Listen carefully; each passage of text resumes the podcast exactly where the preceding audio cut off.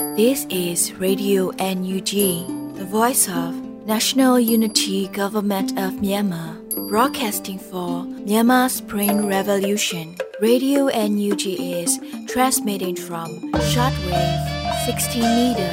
17.79 megahertz at 8:30 a.m. and 25 meter 11.94 megahertz at 8:30 p.m. Myanmar Standard Time. မင်္ဂလာပါရှင်အမျိုးသားညီညွတ်ရေးအစိုးရရဲ့အတန်လွတ်ဌာနရေဒီယို NUG ကိုမန္တပိုင်း၈နိုင်ခွဲမှာလိုင်းတူ6မီတာ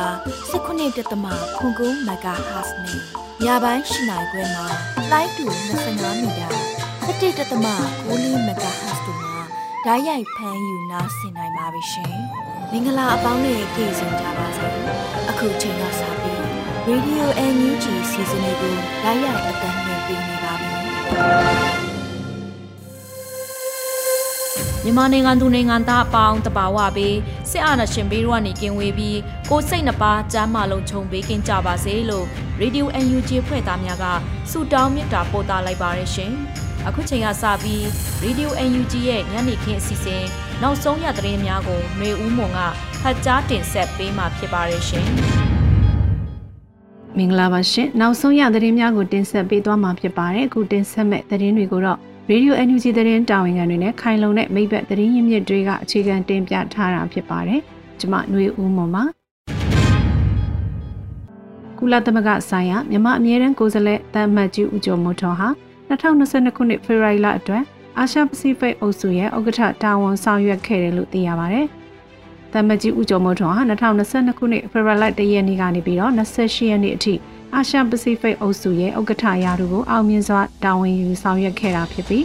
အာရှပစိဖိတ်အုပ်စုဟာကုလသမဂ္ဂမှာရှိတဲ့ဒေတာအုပ်စုများအနက်ဖွဲ့ဝင်နိုင်ငံစုစုပေါင်း54နိုင်ငံပါဝင်တဲ့ဒေတာအုပ်စုတစ်ခုဖြစ်ပါတယ်။ဆိုပါအုပ်စုရဲ့ဥက္ကဋ္ဌရာထူးကိုအဖွဲ့ဝင်နိုင်ငံတွေရဲ့အမည်အခရာစဉ်အလိုက်လစဉ်အလှည့်ကျတာဝန်ယူလွှဲပြောင်းထမ်းဆောင်ရပါတယ်။ ကုလသမဂ္ဂဆိုင်ရာမြန်မာအမြဲတမ်းကိုယ်စားလှယ်တန်အမှတ်ကြီးဦးကျော်မိုးထွန်းအနေနဲ့ဆိုပါအုပ်စုရဲ့ဥက္ကဋ္ဌရာထူးကို2022ခုနှစ်ဖေဖော်ဝါရီလ1ရက်နေ့မှာကုလသမဂ္ဂဆိုင်ရာမွန်ဂိုလီးယားအမြဲတမ်းကိုယ်စားလှယ်ထံကနေလွှဲပြောင်းလက်ခံခဲ့တာပါ။အဲဒီလိုအာရှပစိဖိတ်အုပ်စုရဲ့ဥက္ကဋ္ဌရာထူးတာဝန်ယူဆောင်ရွက်ခဲ့ရမှာဖွဲ့ဝင်နိုင်ငံများမှလုံခြုံရေးကောင်စီဒူရီညီလာခံရဲ့ဥက္ကဋ္ဌနဲ့ဒုတိယဥက္ကဋ္ဌများကော်မတီအလိုက်ဘျူရိုအဖွဲ့ဝင်များအထူးကော်မတီများကြံပေးကော်မတီများလုပ်ငန်းအဖွဲ့များကော်မရှင်များ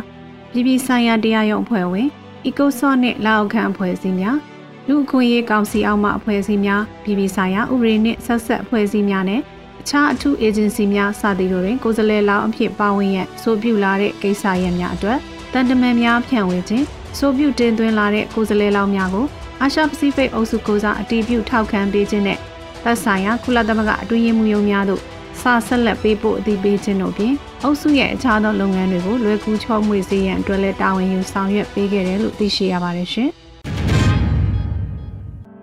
စစ်တပ်ကောင်းဆောင်များတင်ပိုက်ထားတဲ့ဒေါ်လာဘီလီယံချီတန်ကြေးရှိတဲ့မြေခွက်တွေကိုလေလံတင်ရောင်းချမယ်လို့မြို့သားညီညွတ်ရေးအစိုးရကထုတ်ဖော်ပြောဆိုလိုက်ပါတယ်။ကိုကျိုးစီးပွားအတွက်စစ်ကောင်းဆောင်များသိမ်းယူထားတဲ့မြေနေရာတွေဟာရန်ကုန်မြို့ရင်းမှာအမေရိကန်ဒေါ်လာဘီလီယံချီတန်ကြေးရှိပြီး အဲ့ဒီမြေကွက်တွေကိုပြည်သူလူထုအကျိုးစီးပွားအတွက်လေလံတင်ရောင်းချမယ်လို့မြို့သားညီညွတ်ရေးအစိုးရစီမံကိန်းဗဏ္ဍာရေးနဲ့ယင်းနှမြုပ်နှံမှုဝန်ကြီးဦးတင်ထွန်းနိုင်ကပြောဆိုလိုက်တာပါအာနာသိန်းစေကောင်းဆောင်မှမြေကွက်များအပါအဝင်စစ်တပ်သိမ်းယူထားတဲ့ရန်ကုန်မြို့မှာရှိတဲ့နေရာကောင်အကွက်ကောင်းမြေကွက်25ခုရဲ့တန်ဖိုးဟာဒေါ်လာ1.5ဘီလီယံတန်ကြေးရှိတယ်လို့ဝန်ကြီးကဖော်ပြပါရယ်မြို့သားညီညွတ်ရေးအစိုးရကဖော်ထုတ်လိုက်တဲ့အဆိုပါတန်ဖိုးကြီးမြေကွက်များတွင်အာနာသိန်းစေကောင်းဆောင်မင်းအောင်လှိုင်ပိုင်ရန်ကုန်မြို့ ရန်ကင်းမြို့နယ်ရှိမိုးကောင်းရတနာစေယုံနဲ့၎င်းရဲ့တာအောင်ပြည့်စုံပိုင်တဲ့အင်းရကန်ဆောင်မှာရှိတဲ့ကန်တာယာစေယုံမြေနေရာများလည်းပါဝင်ပါတယ်။သူတို့ကိုကြိုးစည်းပွားအတွက်ရယူထားတဲ့အရင်အမြစ်တွေကိုသိမ်းပြီးတော့နေနာသူတွေအတွက်ပြန်လည်အသုံးချသွားဖို့ဒီမူကိုချလိုက်တာပဲ။မိုးကောင်းစေယုံလိုဟာမျိုးကန်တာယာစေယုံလိုဟာမျိုးဖြစ်တယ်လို့ဦးတင်ထွန်းနိုင်ကမြန်မာနောင်သတင်းဌာနကိုပြောပါတယ်။အာနာသိန်းကောင်းဆောင်မိသားစုကသိမ်းယူထားတာဖြစ်တဲ့ရန်ကင်းမြို့နယ်မိုးကောင်းလမ်းပေါ်မှာရှိတဲ့စေအေကအခြေရှိ တက်မတော်မှတ်တမ်းရုံးဟောင်းနေရာမှာကန်ဒေါ်လာ105သန်းတန်ကြီးရှိတဲ့အကြောင်း NUG ကတွက်ချက်ပါတယ်။လေးလံတင်ရောင်းချဖို့နဲ့စီမံကိန်းလုပ်ဖို့ NUG ကစစ်စစ်ထားတဲ့တပ်ပိုင်မြေများနဲ့မယန်းကုန်းမြို့နယ်ကိုမိုင်ပြည်လန်းရှိ29.54ဧကကျဲရှိတဲ့နိုင်ငံတော်ကာကွယ်ရေးတက္ကသိုလ်မြေနေရာဟောင်းလည်းပါဝင်တာတွေ့ရပါတယ်။ဧက30နီးပါးအကျယ်ဝန်းရှိတဲ့အဆိုပါမြေကွက်မှာ American Dollar 438တန်းပေါက်ဈေးရှိပြီးလက်တလုံးစစ်စစ်ထားတဲ့မြေကွက်တွေအနက်တန်ကြေးအမြင့်ဆုံးဖြစ်တယ်လို့သိရပါတယ်။ ကျွန်တော်တို့ NUG မှာအဲ့လိုကျွမ်းကျင်တဲ့တွက်ချက်နိုင်တဲ့သူတွေရှိပါတယ်။ Test to Yan ပေကိုဘလောက်ဆိုတာကအစပါမယ်လို့ဦးတင်ထွန်းနိုင်ကဆိုတော့လေမြေကွက်တန်ဖို့အသေးစိတ်တွက်ချက်မှုကိုတော့ထုတ်ဖော်ပြောဆိုခြင်းမရှိသေးပါဘူး။ NUG ရဲ့တွက်ချက်ဖော်ထုတ်မှုရမင်္ဂလာတို့မြို့နယ်ပြည်လန်း18မိုင်ရှိဗဟိုထောင်လန်းရေးတက်ရေးကြီး IT ရှိရာ63ဧကအကျယ်မီနေရာကို American Dollar 309တန်တန်ကြီးရှိတယ်လို့တွက်ချက်ထားပါတယ်။စီမံကိန်းဗဏ္ဍာရေးနဲ့ယင်းနှိမ့်မြုံနှမှုဝန်ကြီးဌာနဝန်ကြီးဦးတင်ထွန်းနိုင်ကတော့ နာမည်ဆိုးနဲ့ကြော်ကြားတဲ့အဆိုပါရေးကြီး IT ရှိရာနေရာကိုနာစီအချင်းစခန်းကဲ့သို့အထိမ့်မှန်နေရာပြုလုပ်ရန်စဉ်းစားထားတယ်လို့ဆိုပါတယ်။ဒါအပြင်တပ်ပိုင်နေရာလို့သိမ်းဆဲထားတဲ့နေရာများစွာကိုစီရီယမ်ဝန်ထမ်းများအတွက်အိမ်ယာဆောက်လုပ်ပေးခြင်းချို့နေရာများကိုလေလံတင်ရောင်းချပြီးစစ်ကောင်စီမိရှုဖျက်ဆီးခဲ့တဲ့ကြေးရွာများပြန်လည်နေရာချထားရေးအတွက်ဦးစားပေးသုံးစွဲရန်မျှော်မှန်းထားတယ်လို့ဦးတင်ထွန်းနိုင်ကဆိုပါတယ်။စစ်တပ်ပိုင်းဆိုပြီးတင်ဆက်ထားတဲ့အခြားနေရာတွေကတော့မယန်းကုန်းဗဟန်း လှိုင်းတောင်ကလာပါရန်ကင်းတကုံနဲ့မင်္ဂလာတုံမြို့နယ်တွေမှာရှိတဲ့စစ်တပ်ပိုင်းအမိခံအထင်ကရနေရာတွေဖြစ်ပြီးမယန်းကုန်းမြို့နယ်ဝီဇီယန်တာလမ်းမှာပေါ့ရေကူးဘူတာရောအနီးရှိ36ဧကကျဲတက်မြေနဲ့25ဧကကျဲအတန်လွှင့်ဆက်ရုံဟောင်းမြေနေရာတို့လည်းပါဝင်နေပါတယ်။ရွှေတကုန်းဖျားလမ်းမပေါ်ရှိစစ်သမိုင်းပြတဲ့ဟောင်းနေရာမှာဂျပန်ကုမ္ပဏီနဲ့ပြည်တွင်းမှအေယာဟင်းသာကုမ္ပဏီတို့အကျိုးတူပူးပေါင်းလုပ်ကိုင်နေတဲ့ Wine Complex စီမံကိန်းမြေနေရာဆိုရင် American Dollar 330တန်ကြီးရှိကြောင်း Justice for Myanmar အဖွဲ့က2020မေလမှာထုတ်ပြန်ခဲ့ပူပါတယ်။တပ်ပိုင်မြေများနဲ့ပတ်သက်ပြီးရထားချက်များကိုတော်လိုင်းရဲ့ပြီးကာလမှအကောင့်ထဲဖော်ရမှာဖြစ်ပေမဲ့ပြည်တွင်းပြည်ပမှစီးပွားရေးလုပ်ငန်းရှင်များယင်းနှိမ့်မြုံနှံလူသူများကိုအခုကတည်းကဖိတ်ခေါ်ထားရန်စီစဉ်ခြင်းဖြစ်တယ်လို့ဦးတင်ထွန်းနိုင်ကပြောပါတယ်။တော်လန်ရေးကိုတက်ဝင်ယုံကြည်ပြီးအတိုင်းအတာတစ်ခုအထိစွန့်စားမဲ့သူတွေကိုအခုကတည်းကဖိတ်ခေါ်တဲ့သဘောပဲ ဒါကအရေးကြီးတယ်။တော်လန်ရေးအပေါ်မှာစိတ်ချယုံကြည်တဲ့လုပ်ငန်းရှင်တွေကိုတော့ပိုပြီးတန်ဖိုးထားရမှာပေါ့လို့ဝန်ကြီးကပြောပါတယ်။ expression of interest EOI ပေါ်လေဆိုကြပါစို့တန်တရာတဲ့ယင်းနှမြုံနှံမှုမှာသူ့ရဲ့အဆိုပြုလာကိုရွေးချယ်လိုက်တယ်လို့ဆိုရင်တန်တရာအလုံးကိုဘုံဆိုပေးစရာမလိုပါဘူးရာဂိုင်နှုန်းတစ်ခုကိုတော့သူ့အနေနဲ့စွန့်စားရမယ်လေအာမကန်ချက်တစ်ခုပေါ့လို့ဝင်းကြီးကဆက်ပြောပါတယ် ခုလိုမျိုးသားညီညွတ်ရေးအစိုးရစီမံကိန်းဗဏ္ဍာရေးနဲ့ယင်းနှမြုံနှံမှုဝန်ကြီးဌာနအနေနဲ့တပ်ပိုင်းမြေများကိုဖော်ထုတ်စီမံနေမှုကိုစီရီယမ်မိုးကြီးစင်ရောကထောက်ခံပါတယ်။ NUG အစိုးရကဒီဟာတွေလုပ်မယ်ဆိုရင်စစ်ကောင်းဆောင်တွေစစ်ဗိုလ်ချုပ်တွေတုံ့လှုပ်ခြောက်ခြားသွားမှအသေးကြပဲ။ဘာလို့လဲဆိုတော့သူ့လူတွေတေးသွားတာထက်ပိုဆိုးတယ်လေ။သူတို့ကိုကြိုးစည်းဝါးကိုဓာတ်ရိုက်ထိခိုက်မှာဖြစ်တယ်လို့ဗိုလ်ကြီးစင်ရောကပြောသွားပါတယ်။ရန်ကုန်ပြည်လမ်းမော်ရှိတမတော်ဘိုရွေးအဖွဲ့တန်နီယာနဲ့ တီလဝါစိတ်ကန်းရောက်ဆက်လက်နက်ပစ္စည်းကုန်ကျန်းပစ္စည်းများကိုထိမ့်သိမ်းလက်ခံတဲ့အင်းရလိဟိုတယ်အနီးမှာရှိတဲ့ပစ္စည်းတိုင်းတက်နေရာကိုလည်းပြန်လည်သိမ်းဆည်းရောင်းချတဲ့အကြောင်းစစ်တပ်မှအနှစ်20ခန့်တာဝန်ထမ်းဆောင်ခဲ့သူဗိုလ်ကြီးစင်ရောကအကြံပြုပါတယ်။တပ်ပိုင်မြေများနဲ့ပတ်သက်ပြီးတော့ဖေဖော်ဝါရီလ24ရက်နေ့မှာ NUG ကမူဝါဒထုတ်ပြန်ခဲ့ရမှာလေးလံတင်ရောင်းချခြင်းနဲ့အများပြည်သူအကျိုးစီးပွားအတွက်စီမံကိန်းများအကောင့်ထဲပေါ်သွားမယ့်အချက်များထိုစဉ်ကလေးကပါရှိခဲ့တာဖြစ်ပါတယ်ရှင်။ ပြည်သူအချစ်တော်နုပညာရှင်မင်းမော်ကုန်းမွေးနေ့လက်ဆောင်အဖြစ်နဲ့ပြည်သူတွေဝယ်ယူခဲ့ကြတဲ့ငွေတိုက်စာချုပ်တွေကိုထုတ်ပြန်လိုက်ပါတယ်။ပြည်သူချစ်တဲ့အနုပညာရှင်မင်းမော်ကုန်းကသူ့မွေးနေ့မှာမွေးနေ့လက်ဆောင်အဖြစ်နဲ့မြို့သားညီညွတ်ရေးအစိုးရငွေတိုက်စာချုပ်တွေကိုဝယ်ယူဖို့ပြောကြားခဲ့ရမှာငွေနေ့လက်ဆောင်အဖြစ်လာဝယ်ကြတဲ့ငွေတိုက်စာချုပ်တွေကိုစီမံကိန်းဗဏ္ဍာရေးနဲ့ရင်းနှီးမြှုပ်နှံမှုဝန်ကြီးဌာနရဲ့ငွေတိုက်စာချုပ်အယောင်ဌာနကထုတ်ပြန်လိုက်တာပါ။ငွေတိုက်စာချုပ်အယောင်ဌာနကချစ်ခင်မြတ်နိုးရသူတွေလေးစားရသူတွေအတွက်အကောင်းဆုံးမွေးနေ့လက်ဆောင်ပေးဖို့ အခြားနှစ်ပတ်လည်အထိမ်းအမှတ်အမှတ်တရတွေအတွက်ဘုံဝယ်ပေးလို့ရတဲ့အကြောင်းလည်းဖော်ပြထားပါတယ်။ခုလိုငွေတိုက်စာချုပ်တွေကိုလက်ဆောင်ပေးတာဟာဒေါ်လာကာလမှာပြည်သူအချင်းချင်းကူညီပေးနိုင်မဲ့ကာကွယ်ဆောက်ရှောက်ပေးနိုင်မဲ့အကောင်းဆုံးနည်းလမ်းတစ်ခုဖြစ်တယ်လို့ကိုရိုင်းတွင်ရောကိုချစ်ရတဲ့သူတွေအတွက်ပါတသက်တာလုံးအမှတ်ရဂုဏ်ယူနေရမယ့်လက်ဆောင်မှုတစ်ခုလည်းဖြစ်တယ်လို့ဆိုထားပါတယ်။ပြည်သူအချစ်တော်မင်းမော်ကွန်အတွက်ဘုံလက်ဆောင်တွေဝယ်ယူကြတယ်လို့ပဲကိုယ့်ရဲ့အချစ်ဆုံးသူတွေအတွက်ဘုံဝယ်ပေးဖို့တိုက်တွန်းထားတာတွေ့ရပါတယ်။ စီမံကိန်းဗဏ္ဍာရေးနဲ့ယင်းနှိမ့်မြုံနှံမှုဝန်ကြီးဌာနကတော့ချေရသူတွေကိုဂုဏ်ပြုဖို့ချေရသူတွေကိုကာကွယ်ဆောက်ရှောက်ဖို့အမြန်ဆုံးဘုံဝယ်ယူပါဆိုတာနဲ့အောင်ပွဲမြန်ဖို့ဘုံဝယ်စုဆိုတဲ့စာသားတွေကိုအသုံးပြုပြီးတော့ဝေတိုက်စာချုပ်တွေရောင်းချနေတာလည်းတွေ့ရပါတယ်ရှင်။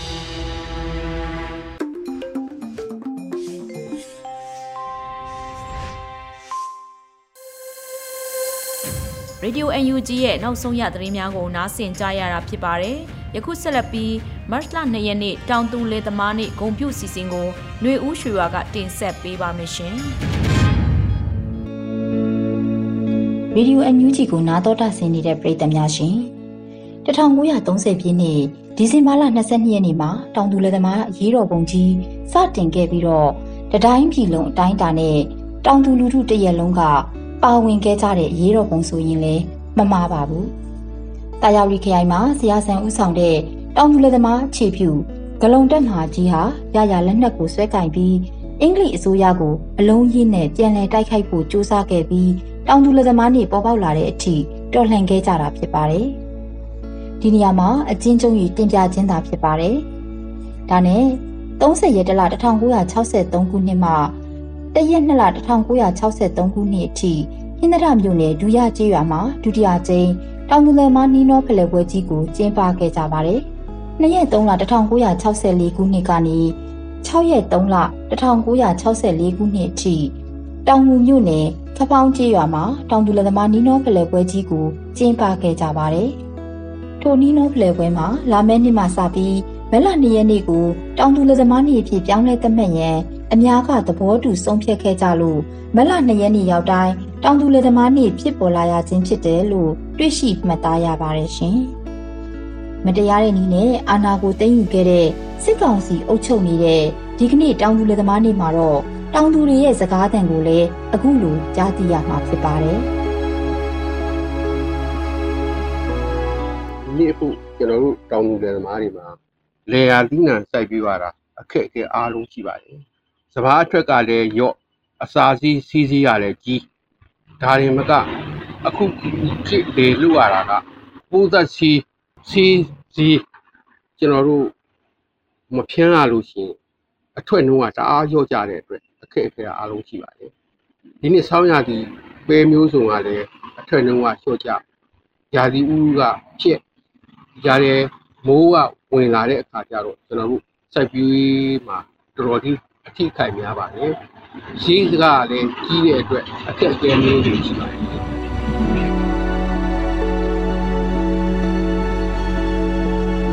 ဒီနေ့တောင်လူလည်းသမားနေ့မတ်လ2ရက်နေ့ရှိတော့ကတော့အငယ်တို့ငယ်ငယ်တုန်းကတော့တောင်လူမနေ့ဆိုရင်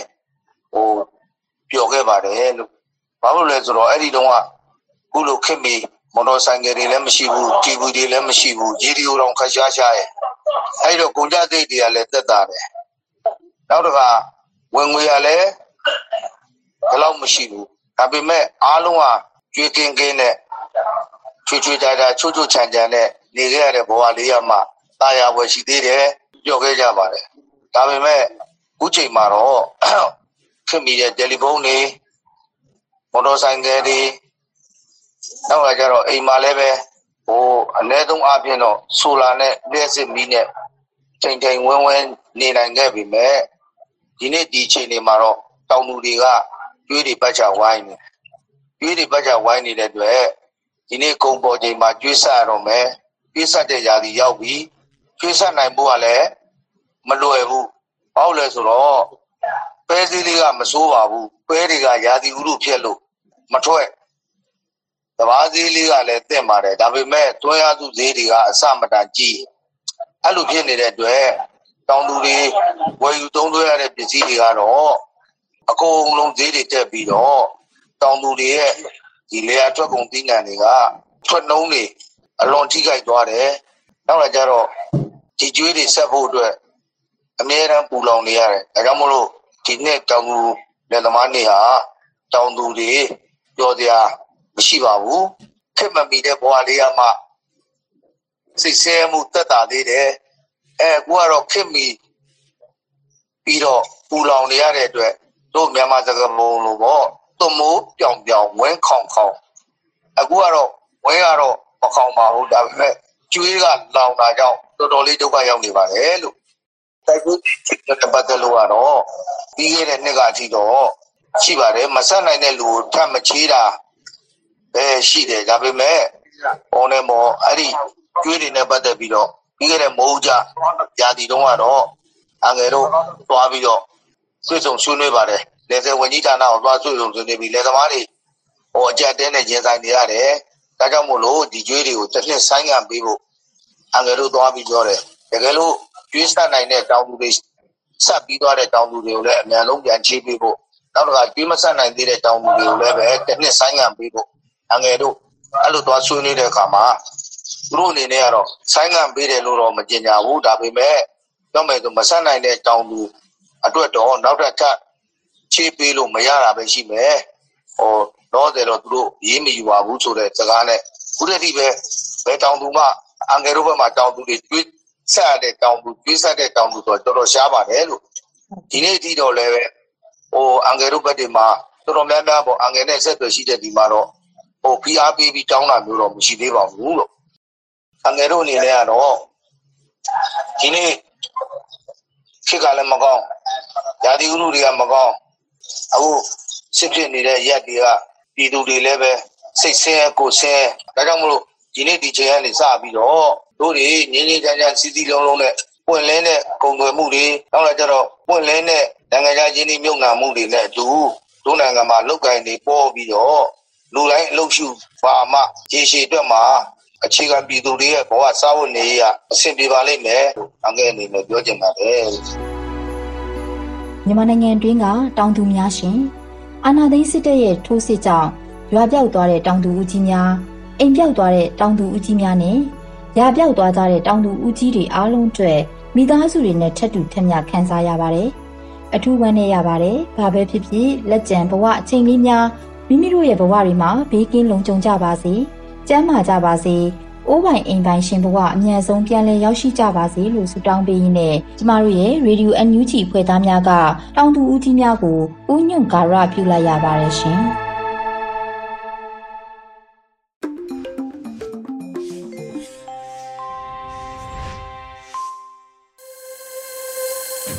ဆက်လက်ပြီး Radio UNG ရဲ့တော်လှန်ရေးတေးဂီတာစီစဉ်ကနေ ကောင်းကင်ရေးဆက်ထားပြီးကိုလင်းတီဆိုထားတဲ့ကဘာသစ်စီတုပ်ဆိုတဲ့တခြင်းကိုနားဆင်ရပါမယ်ရှင်။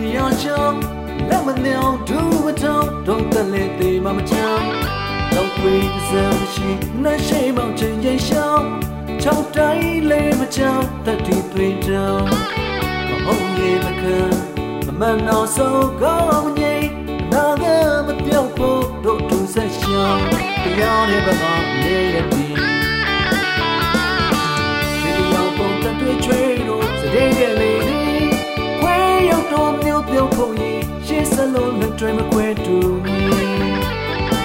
မလျောင်းတွေရေးရင်မြတ်ဒီရေးတော်ဘုံအောင်ရမည်ရေးတော်ဘုံအောင်ရမည်ရေးတော်ဘုံအောင်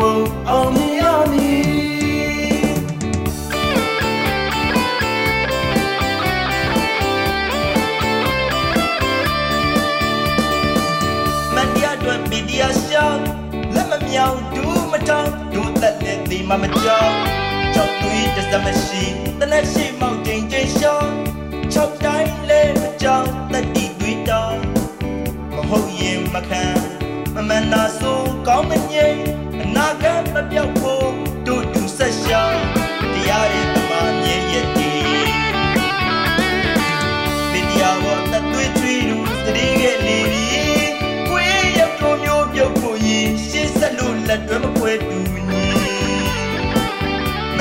တရားတွေရဲ့ရည်ကြမြည်ရေတော်ဘုံအောင်ရမည်ရေတော်ဘုံအောင်ရမည်ရေတော်ဘုံအောင်ရမည်မကိုမန်မန်ကိုမလုံးမဟုတ်မမှန်လို့ကြံစတဲ့အာနာယူတို့ရဲ့ဆက်ချာနေ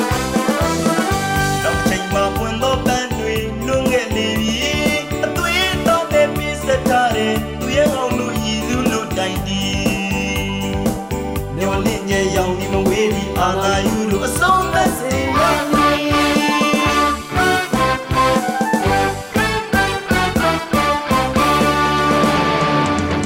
ယေပြတ်သားသမင်းလုံးမစတဲ့နေပြီရိုးကြည့်ပြီးအရေးခံတဲ့အာ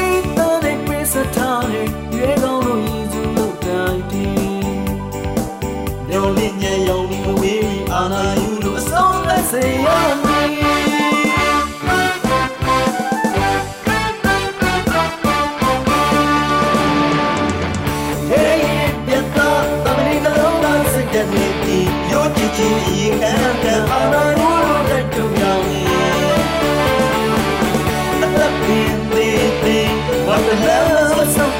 now they are brown and you're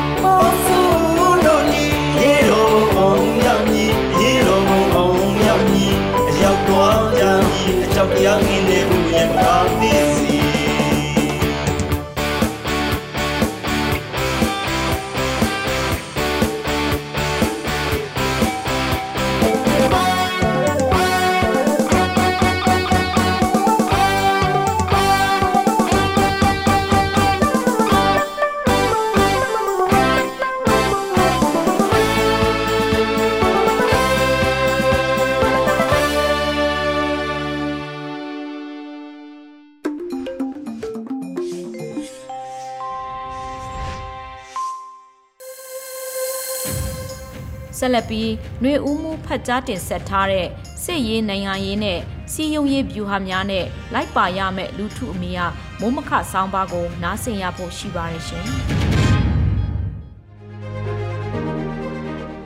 စစ်ရေးနိုင်ငံရေးနဲ့စီးရုံးရေးဗျူဟာများနဲ့လိုက်ပါရမယ်လူတုလက်နက်ကင်တိုက်ပွဲတစ်ပွဲမှာစစ်ရေးကအဓိကအကျဆုံးဖြစ်ပြီးလက်နက်ကင်တိုက်ပွဲနိုင်ဖို့ရာမှာတပ်ဖွဲ့အင်အား လက်နက်အင်အားနည်းပညာစစ်ရေးပစ္စည်းအားသာချက်တိုက်ပွဲအတွက်ထောက်ပံ့မှုအကူအညီစတာတွေကအဓိကကြပါလိမ့်မယ်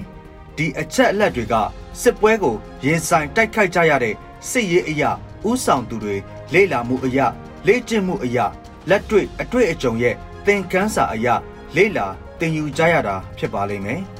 လက်ရှိမြန်မာနိုင်ငံကຫນွေဦးတော်လှန်ရေးလို့ခေါ်ဆိုကြတဲ့စစ်အာဏာရှင်စနစ် ဖယ်ရှားရေး Federal စနစ်ထူထောင်ရေးကိုဥတီချက်ထားတိုက်ခတ်နေကြတဲ့တိုက်ပွဲကစစ်ရေးတိုက်ပွဲလဲအဓိကကြသလိုနိုင်ငံရေးနဲ့စီယုံရေးကလည်းအဓိကကြတာဖြစ်ပါတယ်စစ်ရေးတိုက်ပွဲကအားလုံးရဲ့အဆုံးအဖြတ်ဖြစ်တယ်လို့ယူဆခြင်းအာနာဟာတနက်ပြောင်းဝါကထွက်တယ်ဆိုတဲ့မော်စီတုံးရဲ့တမိုင်းတွင်တဲ့ဆိုရိုးစကားရှိတော်လဲလက်တွေဒီမိုကရေစီနိုင်ငံရေးစနစ်တည်ဆောက်မယ်လို့ ရည်ရွယ်ထားတဲ့အင်အားစုတွေအဖို့အာနာဟာတနက်ပြောင်းဝါကလာတယ်ဆိုတာကို ပုံတင်မှတ်ယူဖို့မသင့်ဘူးလို့သာဆိုကြပါတယ်လက်နက်ကန်အင်အားစုရဲ့ရက်တီရေးအတွက်တနက်နဲ့ကာကွယ်ကြရရင်ဆိုင်တိုက်ခိုက်ကြရတာမှန်တော့လဲနိုင်ငံရေးစနစ်တရက်တိဆောက်ကြတဲ့အခါမှာတနက်ပြောင်းဝါကအာနာနဲ့အစဉ်အမြဲအဆုံးအဖြတ်ပေးတာကအာနာရှင်ဝါဒစစ်ဝါဒဝဲခရက်တဲ့ပြန်လဲတက်ဆင်းသွားစေလိမ့်မှာဖြစ်ပါတယ် တပါတီအာနာရှင်စနစ်ဖြစ်တဲ့ကွန်မြူနစ်စနစ်နဲ့အာနာထူထောင်ကြရမှာတောင်စစ်ရေးကနိုင်ငံရေးရဲ့လက်အောက်ခံအဖြစ်ထားကနိုင်ငံရေးစည်းရုံးမှုနဲ့လူထုကိုလိုက်ပါအောင်စည်းရုံးကြတာဖြစ်ပါတယ်။ဝါဒဖြန့်နေဆိုဆိုလူထုကမိမိစံနာနဲ့လိုက်ပါလှုပ်ဆောင်အောင်နိုင်ငံရေးအရာရည်ရွယ်ချက်လမ်းစဉ်တွေကိုချပြစည်းရုံးကြတာဖြစ်ပါတယ်။တော်လန်ရေးကာလလို့ဆိုကြတဲ့တိုက်ခိုက်ရေးတွေ လှုပ်ဆောင်နေစဉ်မှာလဲစီယုံရေးကိုလစ်လျူမရှုပဲတွဲဖက်လှုပ်ဆောင်ကြတာဖြစ်ပါတယ်။ Liberal Democracy စနစ်လူအခွင့်အရေးကိုလေးစားတဲ့ Democracy စနစ်ကိုရည်မှန်းချက်ထားပြီးတိုက်ပွဲဖော်ဆောင်ကစစ်အာဏာရှင်စနစ်ကိုဖယ်ရှားမယ်ဆိုတဲ့အခါအထက်က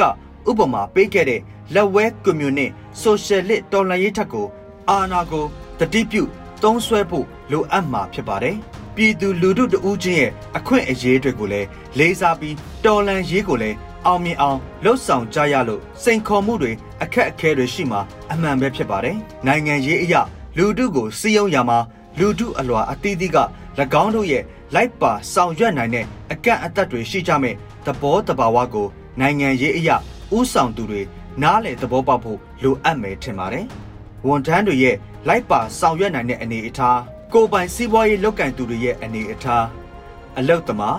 တောင်သူလက်သမားပညာတတ်အသေးစားနဲ့အလက်စားလုပ်ငန်းရှင်တွေစသည်ဖြင့်သဘောတဘာဝလွတ်လပ်မှုနဲ့သူတို့ရဲ့လိုက်ပါဆောင်ရွက်နိုင်မှုအဆင့်တွေမတူကြတာကိုသဘောပေါက်ဖို့အရေးကြီးပါတယ်။အစိုးရဝန်ထမ်းတွေကို CDM လှုပ်ရှားမှုနဲ့ຫນွေဦးတော်လှန်ရေးအစပိုင်းမှာစီယုံလှုပ်ဆော်ခဲ့ကြပြီးပါဝင်မှုအတိုင်းတာလည်းကြီးမားခဲ့ပါတယ်။သို့ပေမဲ့တိုက်ပွဲကာလ ရှေ့ကြာလာတဲ့အခါမှာ CDM လှုပ်သူတွေအထက်သူတို့ရဲ့ရက်တီရေးကိုပါစွန့်လွတ်ပြီးလိုက်ပါနိုင်သူရှိသလိုသားသမီးမိသားစုတွေငဲ့ရတာကြောင့် CDM တိုက်ပွဲအဆုံးတိုင်မလိုက်ပါနိုင်တဲ့အခြေအနေမျိုးလဲရှိတာကိုတွေ့ကြရပါတယ်။အလားတူပဲကိုပိုင်စီးပွားရေးလုပ်သူကော်မတီဝန်ထမ်းအလုတ်သမားစသည်ဖြင့်လူဒန်းစားအလွာအသေးသေးမှလည်းသူတို့ရဲ့ရက်တီမှုအခြေအနေနိုင်ငံရေးနှိုးကြားမှုအခြေအနေပေါ်မူတည်ပြီးဖောင်ဖြတ်ကာအဆုံးထိ တိုက်ပွဲဝင်နိုင်သူရှိသလိုတချို့လဲနောက်ကနေပံပိုးကူညီတဲ့အနေအထားကနေမကြော်လွန်နိုင်တော့တာမျိုးလဲရှိနိုင်ပါတယ်ဒီလိုအခြေအနေအမျိုးမျိုးမှာရန်သူမဟုတ်တဲ့လူထုလူဒန်းစားတွေကိုစီယုံရေးအမြင်ရှိစွာနဲ့စီယုံမှုမျိုးလုပ်နိုင်ဖို့လိုအပ်ပါတယ်တိုက်ပွဲကတလအတွင်း6လအတွင်းတစ်နှစ်အတွင်းအရှုံးအနိုင်ရလက်မပေါ်နိုင်တော့ဘူးလို့အကဲဖြတ်ရင်စီယုံရေးဗျူဟာကိုလည်းပြန်လည်သုံးသပ်ဖို့လိုအပ်မှာဖြစ်ပါတယ်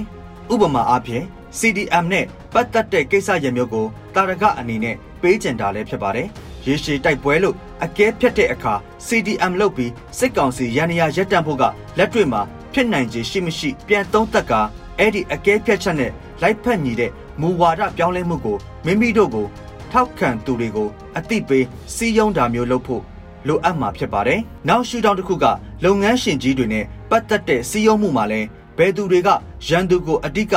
အကူအညီပေးနေတဲ့လုပ်ငန်းရှင်ကြီးတွေလဲဘယ်လိုကိစ္စရမျိုးကိုအကူအညီပေးတာလဲစစ်ရေးမှာလားစီးပွားရေးလုပ်ငန်းရှင်ကြံရေးအတွက်မလွဲတာလို့စီးပွားရေးအရာဆက်ဆံနေတာလားစတဲ့အချက်တွေနဲ့အကဲဖြတ်ကတုတ်ပြန်မှုသဘောထားချမှတ်တင်တယ်လို့ထင်ပါတယ်အဲ့လိုမဟုတ်ခဲ့ရင်ရန်သူအရေးအတွက်အများအောင်လုပ်တယ်လို့ဖြစ်စေမှာပါ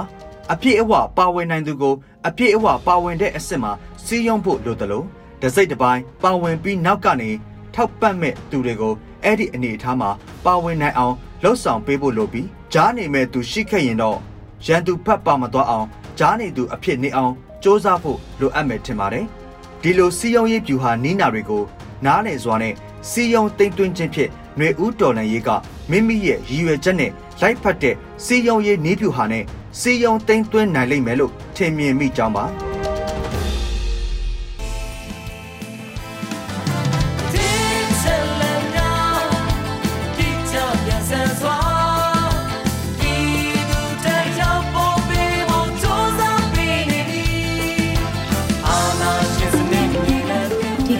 တော့ဒီညနေပဲ Radio NUG ရဲ့အစီအစဉ်လေးကိုခေတ္တရ延လိုက်ပါမယ်ရှင်မြန်မာစံတော်ချိန်မနေ့၈နိုင်ခွဲနဲ့ည၈နိုင်ခွဲအချိန်တွေမှာပြောင်းလဲဆိုပြကြပါလို့ရှင် Radio NUG ကိုမနေ့ပိုင်း၈နိုင်ခွဲမှာလိုင်းတူ16မီတာ19တက်တမခုကူမဂါဟတ်နဲ့ညပိုင်း၈နိုင်ခွဲမှာလိုင်းတူ25မီတာ17တက်တမ9မဂါဟတ်တို့မှာဓာတ်ရိုက်ဖမ်းယူနားဆင်နိုင်ပါပြီရှင် မြန်မာနိုင်ငံသူနိုင်ငံသားများကိုစိတ်နှဖျားစမ်းမချမ်းသာလို့ဘေးကင်းလုံခြုံကြပါစေလို့ Radio NUG ရဲ့ဖွဲ့သူဖွဲ့သားများကဆုတောင်းလိုက်ရပါတယ် San Francisco Bay Area အခြေစိုက်မြန်မာမိသားစုများနိုင်ငံတကာကစေတနာရှင်များလို့အားပေးကြရဲ့ Radio NUG ဖြစ်ပါတယ်ရှင်အရေးတော်ပုံအောင်ရမည်ရှင်